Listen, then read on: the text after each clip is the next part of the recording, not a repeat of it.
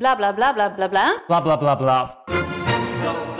Idealen zijn prachtig, maar woorden verliezen betekenis als je niks doet. Dus laten we met z'n allen wat minder praten en meer doen. Bij Agmea zijn wij vast begonnen. Zo gaan wij voor minder verkeersslachtoffers, gezonde werknemers en duurzame woningen. Waar ga jij voor? Kijk op www.werkenbijagmea.nl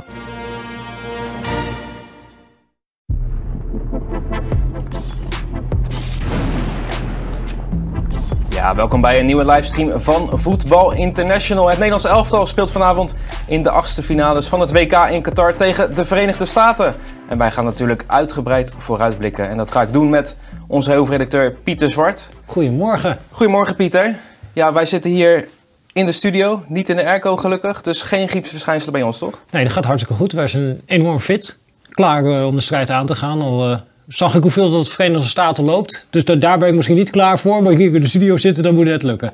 Ja, heb je al kriebels voor vanavond? Leeft het? Nou, vanmiddag al, hè? Vier uur. Ja, van, vanmiddag inderdaad. Vanmiddag gaan we al uh, aftrappen. Nou ja, ik, ik heb natuurlijk uh, de Verenigde Staten zitten bekijken. En de boel geïmagineerd in Louis van Gaal termen. Dus ik heb er wel zin in. En ik zag ook op ons sitebezoek op vi.nl dat het wel een andere morgen is dan een reguliere zaterdagmorgen. Dus het moest even op gang komen. Maar ik heb het idee dat oranje voorpret ja, er enigszins begint te komen. Zullen we eens vragen of die oranje voorpret ook al in Qatar is? Want daar hebben wij natuurlijk onze oranjewatcher Simon Zwartkruis staan. Simon, goedemorgen. Goedemorgen jongens. Hoe is het daar? Nee, ja, ik, uh, ik hoor jullie over die verkoudheid praten. Ja, dat is inderdaad nog steeds aan de gang hier. Ik weet niet of je het kan horen. Maar uh, hoofd vol met snot. Maar uh, verder heel veel zin in die wedstrijd van, voor jullie vanmiddag, voor ons vanavond. Serieus, heb je daar ook last van? Ja, zeker. Ja, bijna iedereen wel heeft het gehad of, of loopt er nu mee rond. En het is allemaal niet zo heel alarmerend. Ik moest wel lachen op de manier, of wat het allemaal weer losmaakte gisteren. Dat is de typische WK-hype. Van een scheet wordt een donderslag gemaakt en van een mug een olifant, hoe je het maar uh, omschrijven wil. Want ja, een uur nadat Van Gaal het had over, uh, over griepverschijnselen, ja, dan blijkt het gewoon over verkoudheidverschijnselen te zijn. En ja, het, het, er worden nog niet uitgesproken of de volledige selectie kwam volledig fit het trainingsveld op. Dus toen moest de berichtgeving weer enigszins aangepast worden. Nou goed, dat hoort er allemaal bij op een WK. Ja, volgens mij hing de vlag in Amerika ook al uit, hè? Want volgens mij werd dat daar heel erg, heel erg groot uitgemeten in de media, die griepsverschijnselen. Ja, klopt. En ook dat hoort er allemaal bij. het, het, is, echt wel grappig om te zien hoe bepaalde dingen een eigen leven gaan leiden. Ook bijvoorbeeld het moment dat Van Gaal uh, aan het flirten was met Belgische journalisten over een mogelijke aanstelling daar. Nu Martinez uh, is opgestapt. En ja, hij doet dat half schertsend, half serieus. Hij wil toch wel even weer benadrukken dat hij nog niet weet of hij echt gaat stoppen na dit WK. Maar aan het eind ja, doet hij het af met een grap. En vervolgens kopt het laatste nieuws in, in België. De, de, grootste, ja, grootste media, sportmedia, sowieso media in, medium in België. Die kopt dan Louis van Gaal, houdt de deur open voor Rode Duivels. Ja, zo gaat dat dan. Ja, precies. Ja. Hey, wat verwacht jij van het Nederlands elftal vanavond tegen de Verenigde Staten? Nou ja, wat zij zelf in ieder geval verwachten is dat ze meer dan in die uh, vorige wedstrijd, in de groepswedstrijden aan voetballen kunnen gaan uh, toekomen. Uh, dat waren ploegen die de ruimtes heel erg klein probeerden te maken. En nou, in de tweede helft van Ecuador hebben we gezien de, hoe, hoe, hoe, zeer ze moeite hebben met als dat middenveld onder druk wordt gezet. Dat deed Ecuador met, met twee man. Nou, dat kunnen ze van Amerika ook wel weer verwachten, met name op dat middenveld. Wil Amerika zijn slag gaan slaan, niet alleen met Pulisic natuurlijk als spel maken en, en doelpen te maken. Maar ook in de omschakeling, daar, daar zien ze mogelijkheden om, om Nederland pijn te doen. En daar is het de afgelopen dagen bij, bij Oranje in besprekingen en zo vaak over gegaan, hoe ze dat moeten tackelen. En de nadruk blijft liggen op wat je met je eigen balbezit kunt doen om onder die ja, intense manier van voetballen van Amerika, want zo kun je dat wel omschrijven. Ja, om daar onderuit te komen. Dus ik verwacht wel een, een, ja, een hele interessante wedstrijd, omdat ook omdat Van Gaal die zei gisteren tijdens de, pers, tijdens de persconferentie dat er heel veel spelers van Amerika bij Europese topclubs spelen. Nou, dat valt reuze mee wat mij betreft. Dat zijn er zes van, van de 26. Wat dat betreft heeft Nederland gewoon veel meer individuele kwaliteiten dan, dan Amerika. Nou, beide coaches noemen hun ploeg, roemen hun ploegen vanwege de teamkracht. En de, de cohesie onderling en uh, ja, de opofferingsgezindheid, al dat soort zaken. Maar ja, daarin gaan ze dan gelijk op. Dus dan zou de individuele klasse aan de kant van Nederland het, de doorslag moeten gaan geven. Al moeten ze dan natuurlijk wel een stuk beter voor de dag gaan komen dan de afgelopen drie wedstrijden. Ja, en, en om dat te bewerkstelligen, is dan ook een andere opstelling nodig? Of gaat Van Gaal niks aanpassen? Nee, de verwachting is dat hij met dezelfde basisploeg als tegen Qatar gaat, gaat verschijnen. En, dus ja, dat is met toch wel aardig wat controle op dat middenveld. Ook als antwoord op, op de manier waarop Amerika speelt. Met uh, Doron dus, die zich over Pulisic zal ontfermen. En die daar de onderlinge afstanden moet bewaken op het middenveld. Waardoor Frenkie de Jong ook meer aan voetballen zal gaan toekomen, is de bedoeling. En Klaassen die vanaf de nummer 10 positie niet alleen ja, met zijn diepte en rendement voor gevaar kan zorgen. Maar ook ja, in, in verdedigend opzicht daar natuurlijk met zijn loopvermogen het nodige kan gaan doen. Ja, zullen we die opstelling er gelijk maar even bij pakken? Want uh, we hebben oh, volgens mij ook, ook, op kaart staan. Um, Pieter, ik vraag ook gelijk even aan jou. Heb je niet meer voetbal nodig dan op dit middenveld tegen Amerika? Ja, weet ik niet of dat per se zo is. Uh, je zag natuurlijk dat Frenkie de Jong misschien wel zijn meest dominante wedstrijd speelde toen Martin de Roon ernaast stond. Mm -hmm. uh, en ja, ik denk ook dat zeker die eerste helft tegen de Verenigde Staten, die gaan vol gas. En dan heb je misschien wel een middenveld nodig in eerste instantie, ja, die dat ook qua intensiteit kan matchen. En dan zodra ze moe worden, want je ziet dat ja, ze houden het eigenlijk een uur vol. Het is daar in Amerika, hebben ze de term second half drip.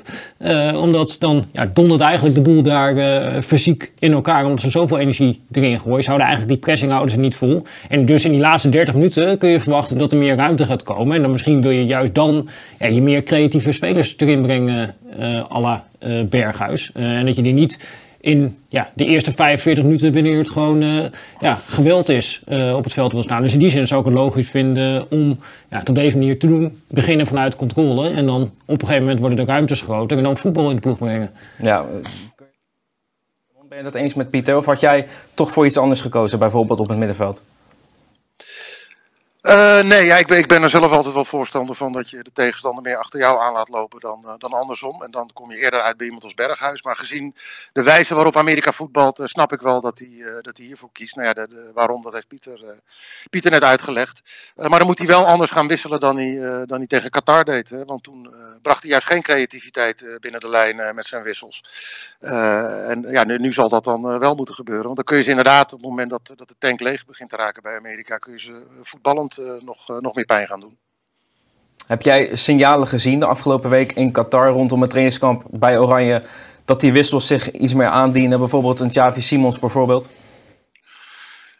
Nou ja, kijk, we hebben altijd de dag na de wedstrijd de, de, de onderlinge partijen of soms een toernooitje van, van de wisselspelers. Ja, die zijn altijd al heel intens. Dat, dat is niet alleen van nu. Dat, dat zie je bij ieder toernooi. Eh, de basisploeg rust dan uit en, de wissels gaan, uh, gaan partijspel doen. En dat, ja, de, dan, dan gaat het er flink op. En je ziet ook vaak dat in ieder geval Van Gaal dan, die leidt die, die partijtjes, dat hij heel weinig afluit. Hij laat dat bewust ook lekker doorgaan, zodat, ja, zodat die intensiteit ook hoog blijft. En ja, de, daarin, de ene keer, bijvoorbeeld vorige week viel Xavi Simons daar heel erg in op. De laatste keer was het juist Steven Berghuis die heel erg heel erg opviel. En niet alleen met, met paasjes uh, en, en, uh, en, en, een paar goede goals ook. Ik bedoel, dat kan niet, dat weten we. Maar ook in, in het aanjagen van zijn ploeg, in het, in het opjagen, in het druk zetten. Hij was echt, in, op, op alle fronten was hij heel erg aanwezig. dus ja, als hij voetbal in de ploeg wil gaan brengen, dan zal Berghuis de eerste zijn die, die in aanmerking komt. Simon, ik had nog een vraag over strafschoppen. Dus natuurlijk in aanloop is daar veel over gegaan. Er is op getraind. Die spelers hebben daar eh, bij een club ook op moeten trainen. Naar die action type werd gekeken. Ik uh, zag gisteren een uitleg over horizontale, verticale spelers. Dat weet ik het allemaal niet. En er dook een filmpje op de, dat suggereerde dat Andries Noppert de penalty killer was. Heb jij in dat kamp iets opgevangen over A, wie de penalty killer is op doel? En B, welke spelers goed uit de penalty testen zijn gekomen? Nee, wat dat betreft houden ze de, de gelederen echt, echt goed gesloten. Er werd tijdens de persconferentie ook naar gevist. En nou, het feit dat Daily Blind zei dat er een lijstje was, daar, daar begon Vergaal al moeilijk over te doen. Terwijl ja, dat lijkt me de gewoonste zaak van de wereld. Iedere ploeg heeft natuurlijk een lijstje met uh, de eerste vijf gegadigden en degene die daarna eventueel nog aan de beurt uh, moeten komen. Wat ik wel een opvallend verschil vond, Greg Berhalter, de bondscoach van Amerika, werd er ook naar gevraagd. Hebben jullie daar eigenlijk op geoefend? En die uh, antwoorden dat ze dat uh, gisteren hadden gedaan, dus vandaag pratende eergisteren. En dat ze dat in de training die volgde op de persconferentie opnieuw gingen doen. Maar ja, in, de, in dat opzicht is Nederland natuurlijk dan wel veel beter beslagen ten ijs, zou je denken. En dan nog kun je afvragen in hoeverre dat helpt. Ik weet nog goed dat Frank de Boer als, als speler tijdens Euro 2000 als, als een gek liep te oefenen in Hoenderlo op, uh, op penalties. Hij vertelde dat er zelfs op een gegeven moment in dat, uh, in dat veld bij de penaltystip een soort uh, geul was ontstaan. Omdat hij daar dan de hele tijd die aanloopjes en die trappen aan het nemen was. En we weten allemaal hoe zijn penalty ging in de halve finale tegen, tegen Italië. Dus ja, het, zegt ook niet alles. Het is bedoeld om, ja, om daar een bepaalde routine in, in, in aan te brengen. En, en, los nog van die lijstjes, we hebben ook meerdere malen bij penalty-series van het Nederlands elftal in het verleden gezien dat degene die bij de eerste vijf stonden op het moment suprem, uh, suprem een keutel introkken. Waardoor bijvoorbeeld uh, op het laatste WK in Brazilië opeens Ron Vlaar achter die bal moest gaan staan, terwijl hij helemaal niet op die lijst stond. Maar een van de weinigen was die zei, ja, ik, ik durf wel. Dus dat soort aspecten gaan ook nog allemaal meespelen. De spanning van het moment zelf. Ja, zou de historie ook nog een rol kunnen spelen, wat je net beschrijft? Het penalty-trauma wat eigenlijk leeft bij het Nederlandse elftal? Nee, dat, dat, dat, is, uh, dat zijn andere generaties. Uh, kijk, op een gegeven moment had je wel de, de generatie, de, Euro 2000, die ik net, net omschreef. Die hadden in 98 was het natuurlijk ook al misgegaan op het, op het WK in Frankrijk. En dan, dan kan het inderdaad in, een, in je hoofd gaan zich nestelen. Maar uh, dat geldt voor deze generatie niet. En uh, ja, ze hebben genoeg uh, lefgozers die, die gewoon achter die bal durven te gaan staan. Daar ben ik van overtuigd. Maar dan nog kan dat op het laatste moment. kan het zo naar de keel grijpen dat ze zich toch weer afmelden. En goed, dan is daar verhaal om heel snel een alternatief te vinden. Maar nee, de, historie speelt hierin geen rol. Nee. nee. Hey, we hebben natuurlijk ook dagelijks de VI Oranje podcast bij Voetbal International. Daarin hebben we ook de rubriek de Louis van Gaalmeter. Hoe, hoe staat hij er eigenlijk op dit moment bij, Simon?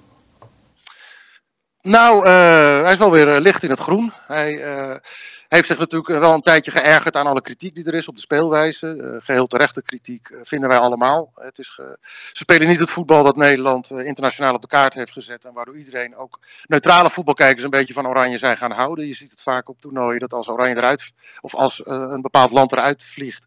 Bijvoorbeeld in Brazilië toen dat gebeurde. Toen heb ik geen enkele Braziliaan gesproken die niet voor Oranje was vanaf dat moment. Dat, uh, ja, de, die ploeg wordt dan omarmd. Ja, die uh, liefde die is er nu niet van, uh, van, van, van de wereldburgers, zeg maar. Dat hebben ze ja, zichzelf te weten. Dat heeft met het vertoonde spel te maken. Maar daar, dat heeft hij naar zich neergelegd. Hij zei, ja, dat is nu eenmaal hoe het is in Nederland blijkbaar. Zo was het in 2014 was de kritiek groot en dat is het nu opnieuw.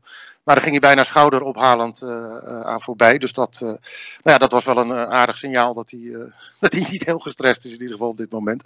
En verder ja, was het, ja, die persconferenties zijn meetmomenten waarop je een beetje kunt kijken hoe, hoe het ervoor staat met zijn humeur. En het was weer eh, zeer onderhoudend, moet ik zeggen. Uh, het valt me op welke fragmentjes er vaak uitgehaald worden in, uh, in sportjournaals en dat soort dingen. En die gaan vaak voorbij aan, aan, de voetbalinhoudelijke dingen die hij allemaal zit te vertellen. Bijvoorbeeld een heel referaat over de ontwikkeling van zijn voetbalvisie door de jaren heen er werd gevraagd, uh, naar aanleiding van een onderlinge uh, ontmoeting van Beurhalter en, en, Van Gaal in 1997. Van Gaal als ijscoach en Beurhalter als speler van Sparta. En hoe zijn visie sindsdien zich ontwikkeld had. Ja, er kwam een hele verhandeling over hoe hij destijds bij Ajax inderdaad uh, met het Ajax-DNA in zijn lichaam. alles op de aanval en over de vleugels ook. En als er geen vleugelspelers uit de opleiding doorkwamen, dan werden die gekocht. Hè, met Overmars en Finidi. Alles om maar dat 4-3-3 te kunnen spelen. Maar ja, daar is hij bij AZ al een keer van afgestapt. En vaker steeds, steeds meer als hij daar de noodzaak toe achtte. En hij gaf ook toe, dat ik ben inderdaad meer op rendement gaan coachen. Uh, en op resultaat en minder op, uh, op attractief uh, voetbal. En hij gaf als voorbeeld een wedstrijd met Barcelona tegen Valencia. Waar ik, waar ik toevallig bij was ook destijds. En dan stonden ze voor met 3-0 en ze bleven vrolijk aanvallen. En een paar aanvallende wissels erbij. En uiteindelijk kregen ze, kregen ze op een donder van, van Valencia. Hij zei, ja dat zijn leermomenten voor een coach. En dat ben ik allemaal gaan evalueren op, op een zeker moment in mijn carrière. En ja, dat, dat heeft die veranderde visie teweeg gebracht bij hem. Ja, dat zijn wel interessante dingen. Vind ik. Vind ik. Ja, zeker ook. Vinden wij ook toch, Pieter? Ja, nou ja, we hadden toevallig uh, deze week een heel verhaal erover ook in het uh, blad. Wat inderdaad precies aan sloot bij ja, dit wat Vergaal uh, nu zei, ook die wedstrijd daarin uh, genoemd. En dan zie je inderdaad dat hij ja, die laatste twee klussen, United en uh, Oranje, dat ze in beide gevallen dat ze verdedigend het best waren, maar dat ze aanvallend in de middenmoot zaten. En eigenlijk als je naar dit WK kijkt, ja, zie je weer hetzelfde beeld. En blijkbaar is Vergaal ervan overtuigd dat dit de beste manier is om een WK te winnen. Even tussendoor trouwens, superchat van Jurre Nelissen. Hoe laat stond het wekkertje, Piet? Hier uh, 7 uur, maar dat ging hartstikke goed. Hoe laat stond hij bij jou, Simon? Ja, we hebben hier het, het tijdsverschil werkt in ons voordeel. Hè? Dus hier uh, ging hij om 9 uur, dus dat is een stuk beter. Maar nog even over dat systeem, want dat blijft natuurlijk wel een, een, een ding. En terecht. Maar uh, je moet ook niet vergeten dat dat 5-3-2, dat is natuurlijk al een paar keer, uh, is dat ook helemaal fout gegaan met deze generatie. Hè? Ik bedoel, Koeman begon ermee als bondscoach, hè? dat was eigenlijk het, het, het, startpunt van deze generatie internationals. En gaf zichzelf uh, zes wedstrijden om, ja, om te kijken of dat zou gaan werken of niet. Maar, maar na vier wedstrijden wist hij genoeg en stapte hij weer over naar 4-3-3. En tijdens de EK hebben we natuurlijk met Frank de Boer meegemaakt, die dat ook wilde gaan doen, die dat ging doen. En dat is ook niet bepaald lekker afgelopen allemaal. Dus ook in dat opzicht wordt het heel interessant of eh, kijk, Van Gaal heeft het vooral ingericht tegen sterkere, uh, heeft, heeft ervoor gekozen, omdat ze dan tegen sterkere tegenstanders uh, meer body hebben en meer kans hebben om in, de, om in de counter toe te slaan voorin. Ja, nu, komen de, nu zijn de wedstrijden aangebroken waarin we moeten gaan zien of dat ook daadwerkelijk resultaat gaat opleveren. Tot slot, Simon, in Nederland merken we eigenlijk dat het, ja, het begint een beetje meer te leven. Maar hoe is het daar? Hoe is het bij jou? Je hebt heel veel WK's meegemaakt natuurlijk. Ja, wat merk je nou? Ja, kijk, om, om, het, om, om de stadions heen en in de stad hier uh, is dit met, met voorsprong een toernooi dat het minste leeft. Je hebt hier de, de, oude binnenstad, de Soek. Daar komt iedere, iedere, alle supporters komen daar iedere avond samen en dat, daar, daar bruist het wel. Maar dan zie je bijna geen oranje shirts. Uh, nou, in de stadions zijn ze ook uh, in, in ondertal uh, altijd. Dus ja, die, die tafereelen die we tijdens het EK in 2008 hebben gezien. Met die immense optochten, oranje optochten door, door Bern heen en, en dat soort dingen. Geweldige beelden met drones ook van gezien. Ja, dat is hier allemaal heel ver weg. Ik bedoel, hulde voor de mensen die, de, die de, de, de moeite en de geld hebben genomen om hier alsnog oranje te gaan, te gaan steunen. Maar het is een klein, klein zwikkie die in de stadions overstemd worden. En ja, mocht Oranje de kwartfinale halen en daar Argentinië tegenkomen, wat de verwachting is, dan, dan zal dat nog vele malen erger zijn. Want er is maar één echt uh, ja, heel erg aanwezig legioen hier en dat is, dat is Argentinië. Maar voor de rest is het zoals we het eigenlijk vooraf al voorspeld hadden. Het is geen, geen voetballand en dat, dat merk je aan alles. Hou jij er enigszins rekening mee dat je morgen al het vliegtuig naar huis zit, of niet? Nou, in het achterhoofd. Ja, ik ging bijvoorbeeld gisteren met collega Peter Wekking gingen we even naar de supermarkt om ons ijskastje bij te vullen. Maar uh, het zakje boodschappen was beduidend kleiner dan uh, de keren daarvoor. Ja, want uh, ja, het is ook niet de bedoeling dat je hier een koel koelkast vol met cola en chips en, en yoghurt achterlaat. Dus bescheiden ingekocht. En als we doorgaan, dan gaan, melden we ons morgen weer bij de supermarkt voor fourage voor de rest van de week. Dus ergens speelt het wel mee, maar ja, ik, uh, dit, dit, mag niet misgaan. Ik bedoel, als je kijkt naar de kwaliteitsverschillen, uh, Amerika wordt, wordt behoorlijk hoog op het schild gehezen en ze hebben ook een goede ploeg. Uh, dat zeker, maar Nederland heeft meer kwaliteit en dat moet er maar eens uitkomen. Nou, laten we hopen dat je in ieder geval nog een paar dagen daar blijft, Simon. En hopelijk nog, nog een stuk langer dan dat. Oké okay, dan.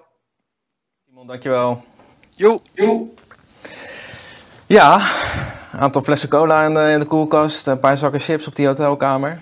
Het gaat er heftig aan toe daar. Nou ja, ze, moeten voorbereid uh, zijn, inderdaad ook op uh, eventueel uh, ja, de weg weer naar huis. En dat, dat is natuurlijk wat, nu wel een leuke fase waar we zijn aangekomen sowieso. Kijk, je ziet de gekste dingen gebeuren in dit toernooi. Zeker in die laatste groepsduels. Als het er echt om gaat, ja, dan zie je dat onder druk... dat er hele rare dingen kunnen gebeuren in het voetbal. En dat geldt natuurlijk ook voor zo'n ja, knock-out fase. Kijk, er zijn een heleboel scenario's te bedenken waarin Nederland zelf deze wedstrijd tegen de Verenigde Staten gaat winnen.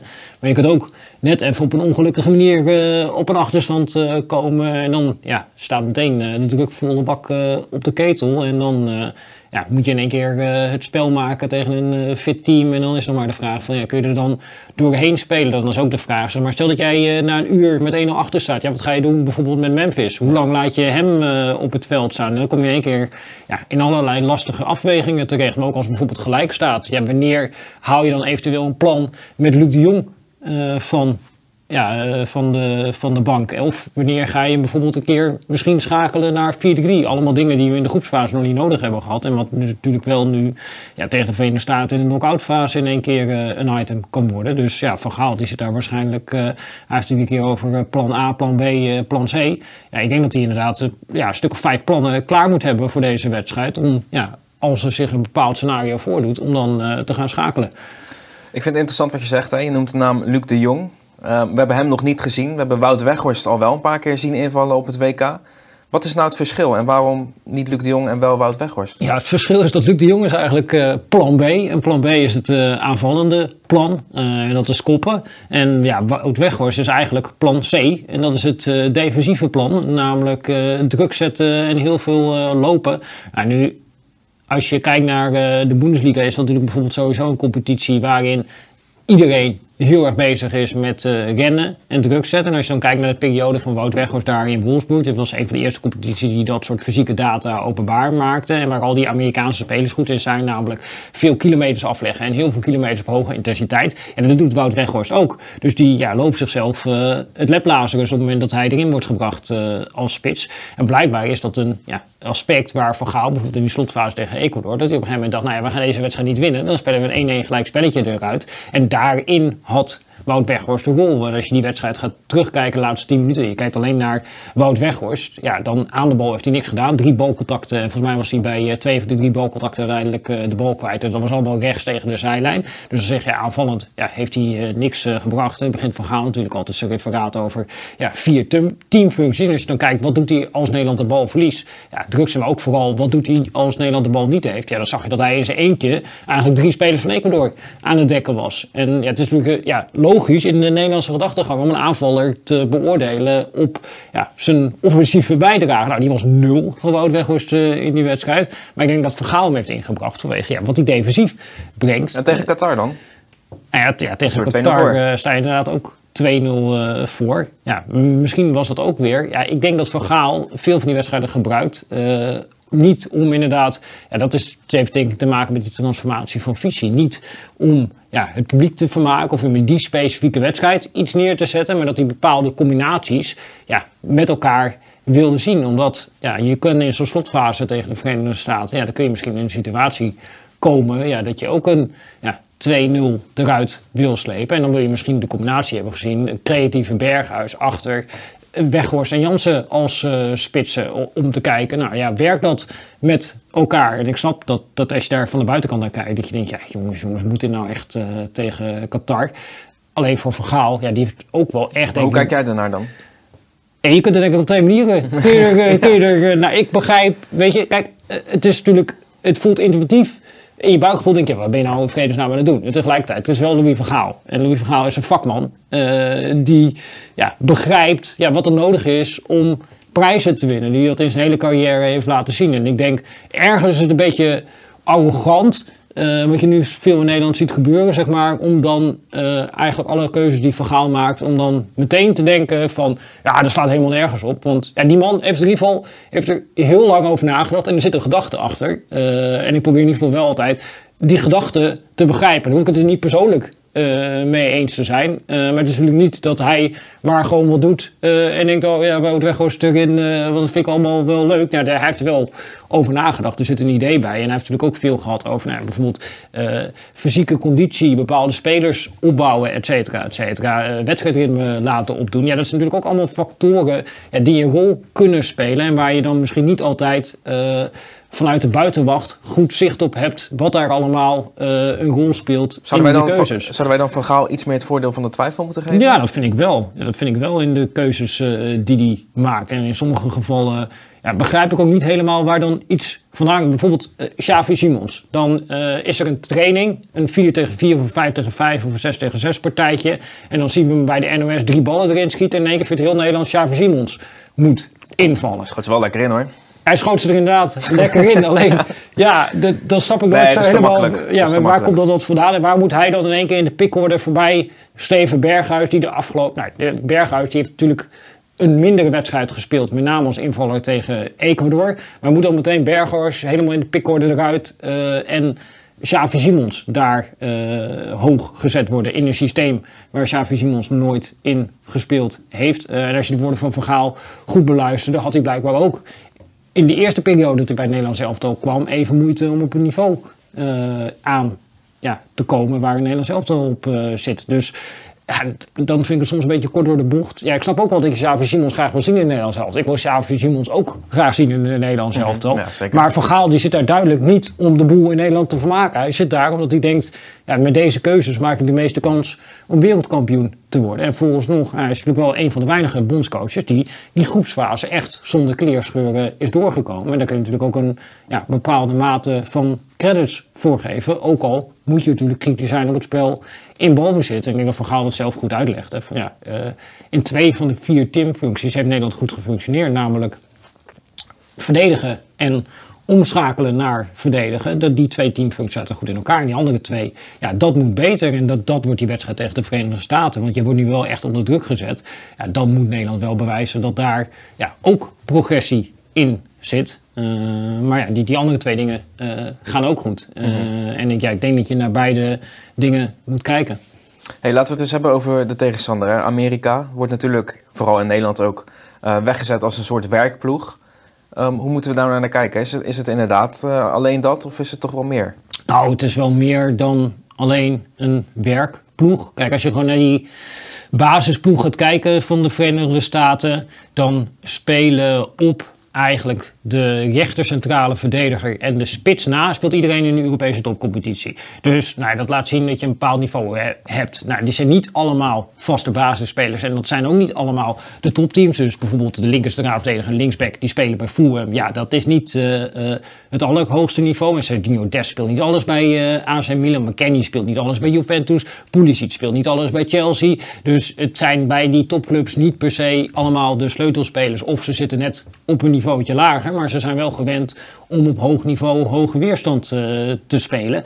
Uh, en het is ja, in die zin echt een team en een jong team. En het zit wel ja, goed in elkaar, hoe dit uh, elftal met elkaar functioneert. Dus ik denk dat je er ja, niet zo heel makkelijk van wint van dit Verenigde Staten. Omdat het gewoon echt een team is wat bereid is om voor elkaar door het vuur te gaan. Uh, en wat ook wel een paar spelers heeft, ja, met extra kwaliteit, die een wedstrijd op een gegeven moment uh, kunnen openbreken. Dus het, is een goed georganiseerd elftal. Wat vooral, ik vind, eigenlijk geldt daarvoor hetzelfde als voor het Nederlands elftal. Dat ze in die omschakeling naar verdedigen en verdedigen zijn ze echt goed. En die andere twee hoofdmomenten aan de bol, ja, ben ik er niet van onder de indruk. Uh, en ja, ik vind ook wel, ik heb ze, je gaat ze natuurlijk bekijken en dan ga je ze ook juist bekijken zeg maar, van naar teams die een beetje hetzelfde proberen als de Nederlands elftal. En als ik hen heb bekeken tegen systemen met drie centrale verdedigers, dan praat ik over eh, Canada, wat in de tweede helft daarheen switchte. Dan praat ik over Marokko, waar ze een oefenwedstrijd tegen gespeeld hebben. Dan praat ik tegen Uruguay, waar ze een oefenwedstrijd tegen gespeeld hebben. Heb je al die wedstrijden gezien? Ja, die wedstrijd tegen Wils. Nou ja, dan zie je dat ze bijvoorbeeld als ze onder druk gezet worden tegen dat systeem op eigen helft, dan gaan ze heel snel. Want je staat dan eigenlijk met die twee centrale verdedigers, staan twee spitsen tegenover. Dan zie je dat zij heel snel die opbouw via een back gaan doen. In veel gevallen Dest. Als je daar dan gewoon druk op zet, dan hebben ze niet echt opbouwpatronen bijvoorbeeld om daar onderuit te komen. En je ziet dat ze tegen dit systeem heel veel problemen hebben om de organisatie achter de bal goed te houden. Want die backs die gaan op een gegeven moment uh, naar voren. En dan sta je achterin soms ja, twee tegen twee met twee centrale verdedigers die gewoon niet topniveau zijn. Uh, ja, en dat is de voornaamste reden dat ik best wel optimistisch ben voor het Nederlands zelf. Dat ik denk van nou, deze wedstrijd kunnen ze wel gewoon gaan winnen. Omdat je met dit systeem wel ja, juist de zwaktes van deze Amerikaanse ploeg kan blootleggen. Ja, want we hebben Daan Huls die zegt in de chat... Maar in de tactische analyse zei dat Nederland wel makkelijk zou moeten winnen... zodra ze zorgvuldig zijn met balbezit. Ja, er, er wel goed gekeken. Ja, maar er zit wel die goede nuance in... zodra ze zorgvuldig zijn met balbezit. En ja, dit, dat is natuurlijk juist het aspect waarvan je nu... als je over Nederland zelf praat, uh, dit WK... Ja, dat ze niet zorgvuldig zijn geweest uh, in balbezit. Dat is dus, het probleem geweest. Ja, hier, dus je mag aannemen dat het misschien wel iets beter gaat. Alleen je kunt ook niet verwachten dat ze in één keer... Uh, ja, van de grond op het dak springen. Dat, dat, ja, het zal er ergens waarschijnlijk tussenin zitten. En als dat inderdaad heel goed verzorgd is, ja, dan kun je makkelijk winnen van een Verenigde Staten. Alleen tot nu toe uh, is het dat nog niet geweest. En een stukje energie misschien, de drive. Die we nog niet helemaal hebben gezien. Of ben je dat niet met me eens? Nou, dat heeft denk ik ook gewoon heel erg te maken met tegenstanders. Wat je dan ziet aan drive. Want kijk, ja, Nederland zelf al uh, als je in de data gaat kijken, hebben ze bijna een marathon minder gelopen dan de Verenigde Staten in de groepsfase. Nou, dus dan ziet het er ook minder energiek uit. Maar het heeft ook te maken met tegenstanders die gewoon afwachten. Want Nederland loopt eigenlijk iedere keer meer dan de tegenstander. Alleen dat die tegenstander ook niet veel loopt, dat zegt iets over hun ja, speelstijl die heel erg teruggetrokken is. En dan krijg je echt van die schaakwedstrijden. Nou, dat ga je nu niet krijgen. Dan krijg je meer een uh, open wedstrijd. En ik zag ook dat een van de commentaren was van... Is het nou echt zo dat die in de laatste 30 minuten minder uh, dominant zijn. Nou ja, dan kun je een beetje genuanceerd kun je daar uh, naar kijken of dat uh, echt zo is. Maar als je gewoon gaat kijken naar bijvoorbeeld dit WK, uh, onderliggende data, dan zie je dat zij qua schoten en expected goals dominant zijn in de eerste 30 minuten, dominant zijn in de tweede 30 minuten. En dat zij eigenlijk in de laatste 30 minuten meer kans hebben weggegeven dan in het eerste uur. Eh, en zelf veel minder gecreëerd hebben. Als je dit hele kalenderjaar pakt, de Verenigde Staten, hebben ze twee doelpunten gemaakt na de 70ste minuut. Uh, en ja, ze zit daar een Nederlandse inspanningsfysioloog, Rick Kost. Uh, en daar heeft Martijn Krabbedam ook contact mee gehad. Bij Feyenoord gewerkt? Ja, bij Feyenoord gewerkt inderdaad. En die moest ook wel erkennen van, ja, dat dit voor hen een issue was. En dat, dat heeft ook weer alles te maken met... Nou, we, hebben bij Nederland, kijk, we kijken natuurlijk heel erg altijd door een Nederlandse bril. Dus dan gaat het hier in Nederland over Memphis Depay. Dit seizoen nog geen enkele keer 90 minuten gespeeld. Alleen Amerika heeft natuurlijk ook veel van dat soort gasten in de ploeg spelen. Met een Dest, en die lang niet alles speelt bij Milan. Met een McKennie, die lang niet alles speelt bij Juventus. Met Pulisic, die lang niet alles speelt. Die nu weer een tikje heeft gehad. Ja, dat, dat speelt natuurlijk wel allemaal. Ook Weja bijvoorbeeld bij uh, Lille. Nou, die heeft ook lang niet alles gespeeld. Die, die heeft zijn meeste wedstrijden nog gespeeld als rechtsback dit seizoen. En dat is dan uh, hun rechtsbuiten. En zo kun je ook bij Amerika best wel wat jongens noemen. Nou, McKennie ging er dan in de vorige wedstrijd weer geblesseerd af. Nou, die kunnen ze nu dan waarschijnlijk net weer oplappen. Net Pulisic kunnen oplappen. Alleen, ja, dat is natuurlijk niet een ideale voorbereiding. En het is daar minder dan bij het Nederlands zelf het geval. Dat je zegt van nou, daar staan uh, backups klaar van hetzelfde niveau. Nee, als zij op een gegeven moment moeten gaan wisselen, dan komen de jongens uit de MLS in die niet gewend zijn aan deze intensiteit. Uh, en dan zie je meteen ook dat het niveau omlaag gaat. Uh, en dat is ook wel een beetje de kritiek die op deze coach is. Dat hij vaak in die tweede helft, hè, en dat heeft natuurlijk wel ook altijd weer te maken met ze kwamen natuurlijk op voorsprong tegen Wales. Ze hadden een goed resultaat te pakken tegen Engeland. Ze kwamen op voorsprong tegen Iran. Ja, dan ga je op een gegeven moment misschien ook een beetje inzakken. En dat heeft dan natuurlijk ook weer invloed op al die cijfers. Uh, maar het is wel zo dat uh, ja, je structureel eigenlijk ziet dat deze ploeg moeite heeft om ja, 90 minuten lang uh, deze intensiteit die zij halen, om dat echt vol te houden. Dus ik denk wel degelijk dat daar een kans ligt voor Nederland zelf. Met wat Mits en Maren erbij. Tot slot, Pieter, valt het jou ook op dat er dit WK ontzettend veel strafschoppen worden gemist? Ja, ik weet niet uh, of, dat, of het ook uit de data blijkt dat het extreem veel strafschoppen zijn. Er zijn natuurlijk wel wat strafschoppen gemist. Maar je ziet natuurlijk sowieso, volgens mij is gemiddeld uh, 78% van de strafschoppen gaat erin. Dus dan is het een beetje een kwestie van ja, hoeveel strafschoppen heb je uh, en hoeveel worden er gemist. We hebben inderdaad, uh, Chesney hebben we er twee zien pakken. We zagen Ghana, zagen we er eentje missen. Maar er zitten ook wel wat strafschoppen wel in. Lewandowski heeft er gemist. Ja, Lewandowski heeft natuurlijk ook nog één gemist. Dus ik denk inderdaad dat het procentueel op dit moment hoger ligt. Maar dat is natuurlijk ook, ja, als die steekproef zo klein is, dan kan het ook natuurlijk uh, gewoon te maken hebben met uh, toeval. Uh, al weet je natuurlijk dat, ja, zeker de, alle spelers die op dit WK een strafschop nemen, ja, dat is natuurlijk allemaal in de treuren geanalyseerd. Die keepers zijn erop voorbereid. en ja, als jij dan terugvalt op je gebruikelijke routine, weet de keeper misschien wat jij gaat doen. Alleen ja, ik denk niet dat we helemaal een soort van al de trend kunnen trekken van er worden heel veel strafschoppen gemist. Uh, want normaal gesproken zie je, ja, het gaat ergens rond die 78% eh, uitkomen. En de eerstvolgende strafschop die gegeven wordt, heb je nog steeds weer 78% kans dat die erin gaat. Kijk aan. Wel leuk voor de amusementswaarde natuurlijk als er wordt gemist. En vooral de gemiste strafschop van Messi.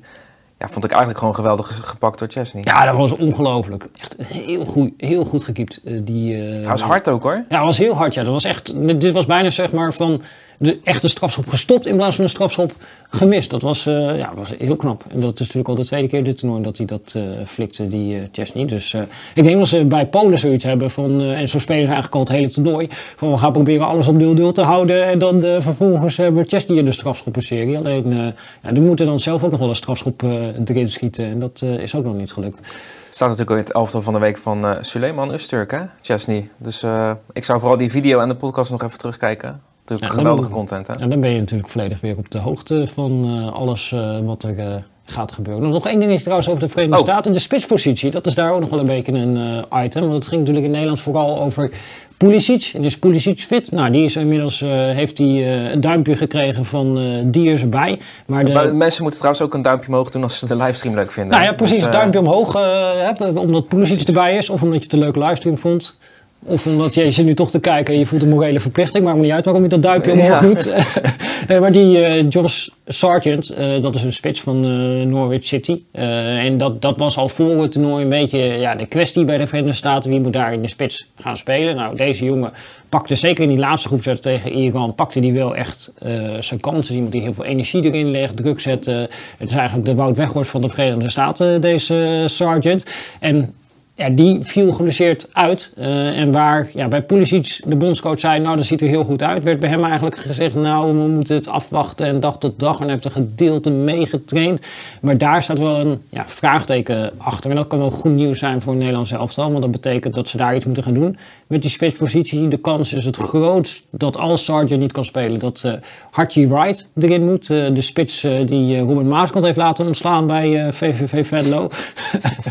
ja, dat, dat dat is toch ook wel meteen weer een niveau. Ja, die speelt ergens in uh, Turkije, dus dat is wel echt een niveautje lager. Of, nou was wel lekker bezig daar in Turkije volgens ja, mij. Ja, was daar zeker. Ja, hij uh, scoorde daar wel uh, op los. Maar dit WK heeft hij toch wel heel erg lastig nog gehad. Of ze vallen terug op een spits uit de MLS, Ferreira.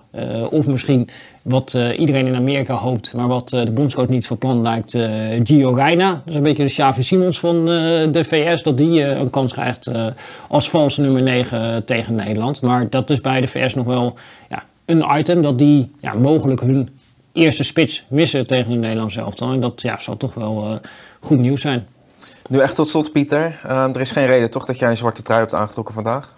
Nee, ik, ik zit nog niet uh, in de depressie. Het is vooral dat ik uh, aanvoelde dat het uh, buiten koud was. Het is zo, lekker heerlijk warme trui. Dus ik denk, nou, op deze manier ga ik ervoor. Dus het is, heeft bij mij gewoon te maken met de wedstrijdvoorbereiding tegen de kou die, waar we, die we buiten moesten trotseren. En niet per se dat ik uitga van een gitzwart scenario. Want uh, in principe zie ik het uh, optimistisch in voor Nederland zelf in deze wedstrijd. Goed om te horen. Die wedstrijd begint om 4 uur.